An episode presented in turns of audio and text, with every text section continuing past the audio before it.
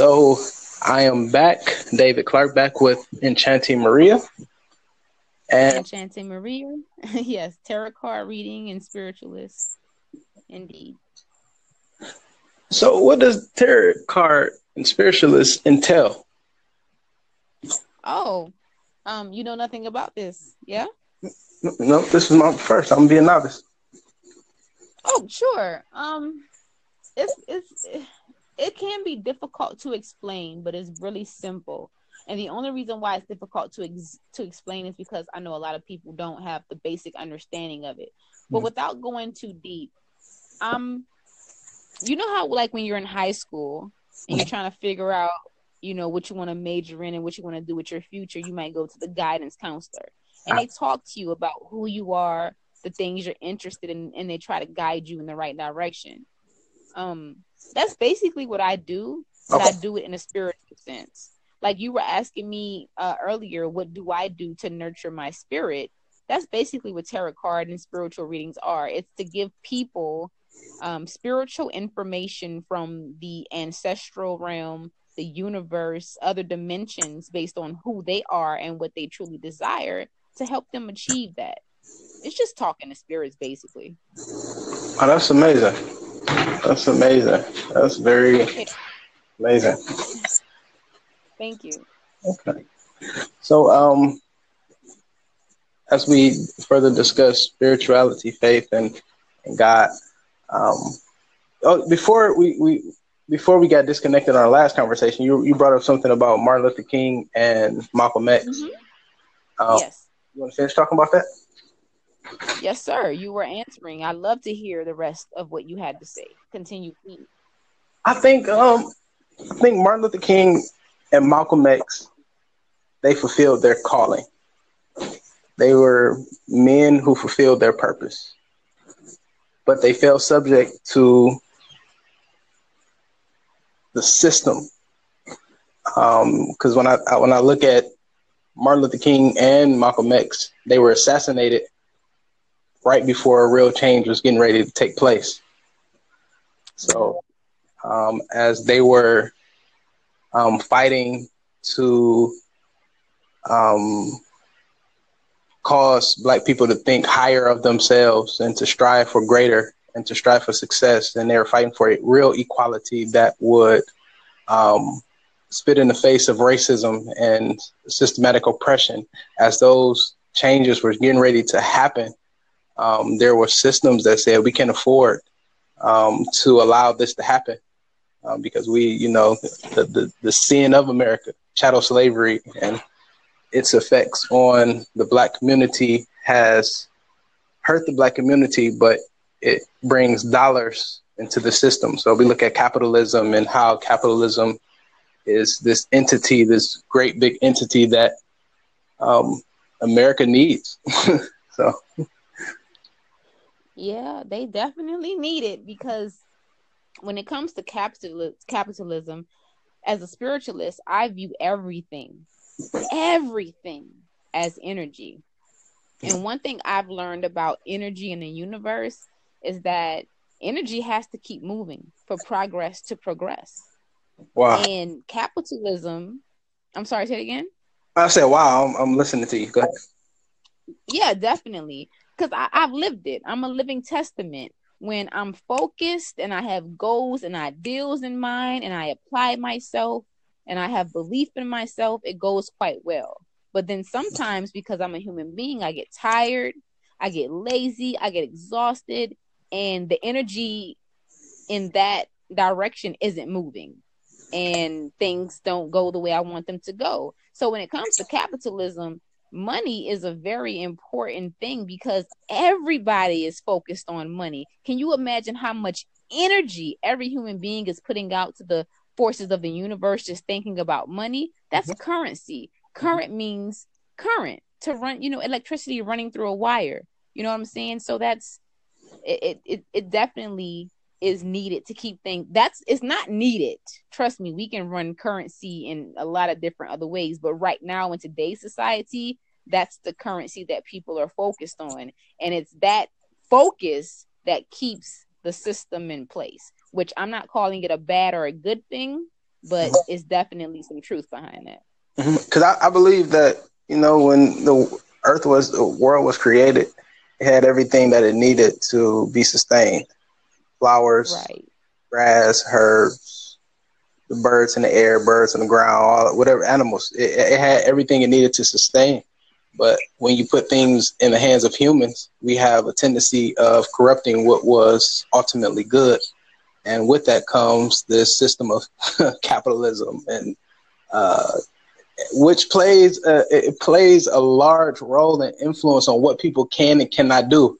If you don't have it, then you are subject to an environment or subject to a certain way of living. If you do have it, you can do more. You can be more effective. You can be more impactful. You can go to different places. You can see different things. But if you don't have it, you're stuck in this. I call it like a matrix type um, effect, where you're limited in what you do. That's why you you know you can know somebody who's intelligent and smart and brilliant, but because they are subject to this um, class, this economic bracket, they can't escape it. So it's like, but Well, like, escape escapism escapism is in the mind.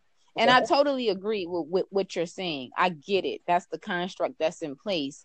But when, I just got to be honest and say when you said people who don't who don't have it are subject to this and that, I hear that. But I'm a spiritualist. I, I I look deeper than that. I don't think anybody, and I truly honestly believe that whether black or white, male or female, child or adult, I don't think anybody due to universal law, the mathematics of the construct of the construct of the universe, real shit. Nobody is subject to anything, whether you choose to be. I'll give you a simple example. I was talking to someone a couple of weeks ago, and they were complaining about all these bills they have, right? They're in debt, they got the cable bill, the rent, gotta buy food, they got credit cards, and they're like, yo, I ain't got no money, da da da da. And I'm a spiritualist, so I'm extra sensitive to like negative shit. And for me personally, complaining is negative. Like, do something about it or shut up. Like, and that might be that might sound easierly said than done. that's But right. I told this person, I told this person, I said, and I'm about to wrap it up right here. I said, yo, look, I said, no one, and this is true for every human being. No one is forcing you to watch cable television, like straight up. That's something that you desire and something that you want. Nobody's forcing you to get a car. That's something that you desire, that you feel is convenient, and that you want. With services and products, there's a bill that comes along with it. So either shut up and pay the bill or let the shit go because you don't need all the things you're clinging to. So why solicit something and then complain about it? And the point I'm trying to make is you were saying about uh people are subject to certain things. I think it's all in the mind. If you feel, if you believe that you're subject to certain things, then you will be. And if you feel like you're you're not, then you won't be. That's just my personal opinion. And and I've, I've lived it, so If I could rebuttal, rebuttal. yeah.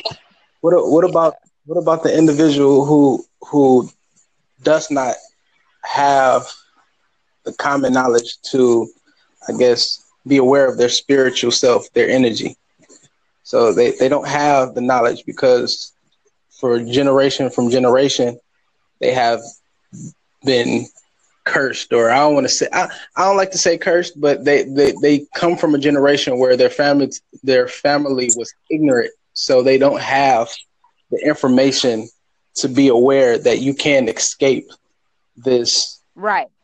environment. Right. And I will answer- I will answer that not emotionally, not from a, a standpoint of being opinion opinionated, but in honest and truth. And I have to make that disclaimer because I feel that sometimes when I express myself to other people, it can seem a little um, non-caring or selfish, but that's not. I'm just speaking truth. Honestly, um, Dave, my personal progression and my spiritual path, I can honestly say, honestly, with with all the advice that I've gotten over the years, with all the YouTube videos I've watched, I had to take all this in and assimilate it myself. Nobody helped me get to where I am as far as the level of information that I have. And I'm proud of that. And not only am I proud of that, but I don't put the responsibility of me learning who I am on anyone else because nobody knows me better than I know myself. So to answer your question, what about that individual that doesn't have the the knowledge to seek and their family didn't pass it down to them? I can honestly and humbly genuinely say that that's not really my problem. It's their family's problem. Like my family was in the same boat. They didn't teach me anything about spirituality or metaphysics. They were Christians. I had to seek this on my own. So woe to my family for not knowing, but I'm an individual and I'm an adult and I took it upon me and I took the responsibility to seek it for myself. And I, I know that every individual has the capability to do that. Whatever is stopping them from doing that, they need to solve it and get around it.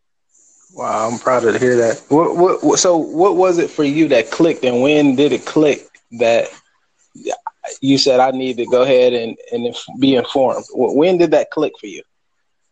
I'm gonna be honest with you. It's it's it's a painful place. Like for for a female, a lot of women find our strength in pain, and I'm no different. And I I don't want to go in on the situation because I'm trying to put the past behind me. But basically, literally, I got married and um, I was in a real bad marriage. Um, I've been through things like most people, relationships, money, uh, family. But when I got married, um, that was like the worst experience of my life. And that was the point where I was tired and I said, This is enough. I'm tired of living this same life. I'm tired of going through the same type of men, having the same problems. I'm tired of doing the same shit over and over again. I'm not I'm getting the same fucking results. I said I just need to take some time for me and figure out who I am, thus knowing what I really want and go for that and stop living in society and doing what other people expect of me because I was not happy. And that happened about 2 or 3 years ago. So to short-winded, I was in a bad marriage and I had enough. So I stood up for myself. Okay. Because I, I, appreciate that response because um, that's your truth and it's, it's going to help somebody. Um, I believe, like you know, the you know the, the good and the bad that we go through helps us to um, become and to move towards a purpose. So I would never tell anybody that you know you need your you need your bad moments because they help they help push us to where we need to go where we need to be. I believe that wholeheartedly. Uh, I appreciate definitely. Yeah, pain, pain, pain, pain can either do. They they say there's a saying that says either it's gonna kill you or make you stronger. And I'm not necessarily a fan of pain because the shit hurts. Yeah, but pain, especially when it comes from another human, a human source or a human being, it will make you look at yourself and say, if you're responsible, and say, well, what the fuck did I do? like, why? Okay, it's easy to point the finger, mm-hmm. but what did you to allow this to happen to you? And then when you talk, when you start taking responsibility, and you you know that your life is your own, you want to live the way that you want to live, and you will become prone to not inviting anyone in your life that wants less than what you want. I had a question because I, I am a person. I, I'm, a, I'm a, I consider myself to be a spiritual person, but I have this yeah. thing where I, of knowing when to move and when to stay. Like what? So it's like I, I find myself troubled at times because I don't know when to make the right moves and when to stay. You, you, as a spiritualist, what kind of advice would you give me? Honestly, I would say you're a man, so you're into you're um analytical. You're not too you're not so much um based on intuition. I would say you said you have problems with when to move. I, I would. You're not female. The best way I can put it is just move when it feels right. If you're looking at certain things as a man analytically and it looks like it's lining up, and you feel like it's a good time to move, to move, trust yourself and do it. But if you look at the people and the circumstances around you and you say, if I move this way, this could happen because this is that person's position, then don't do it. Just wait and continue to brainstorm until you feel sure and confident that the move you will make will indeed prosper. And if you don't feel that way, it just means you got more thinking to do. Don't move until you're sure. You know what I'm saying? Yeah, I got you to- wholeheartedly. You helping me out. You helping me out. You helping me out. You helping me out. I appreciate this conversation. so our, do I. Our time is getting ready to cut short. Um, hopefully, we get a chance to uh, talk again. Of course, I'm going to send you another voicemail message. Um, I wanted to respond, and I'm going to give you my personal info, but I appreciate it. I love you. Thank you.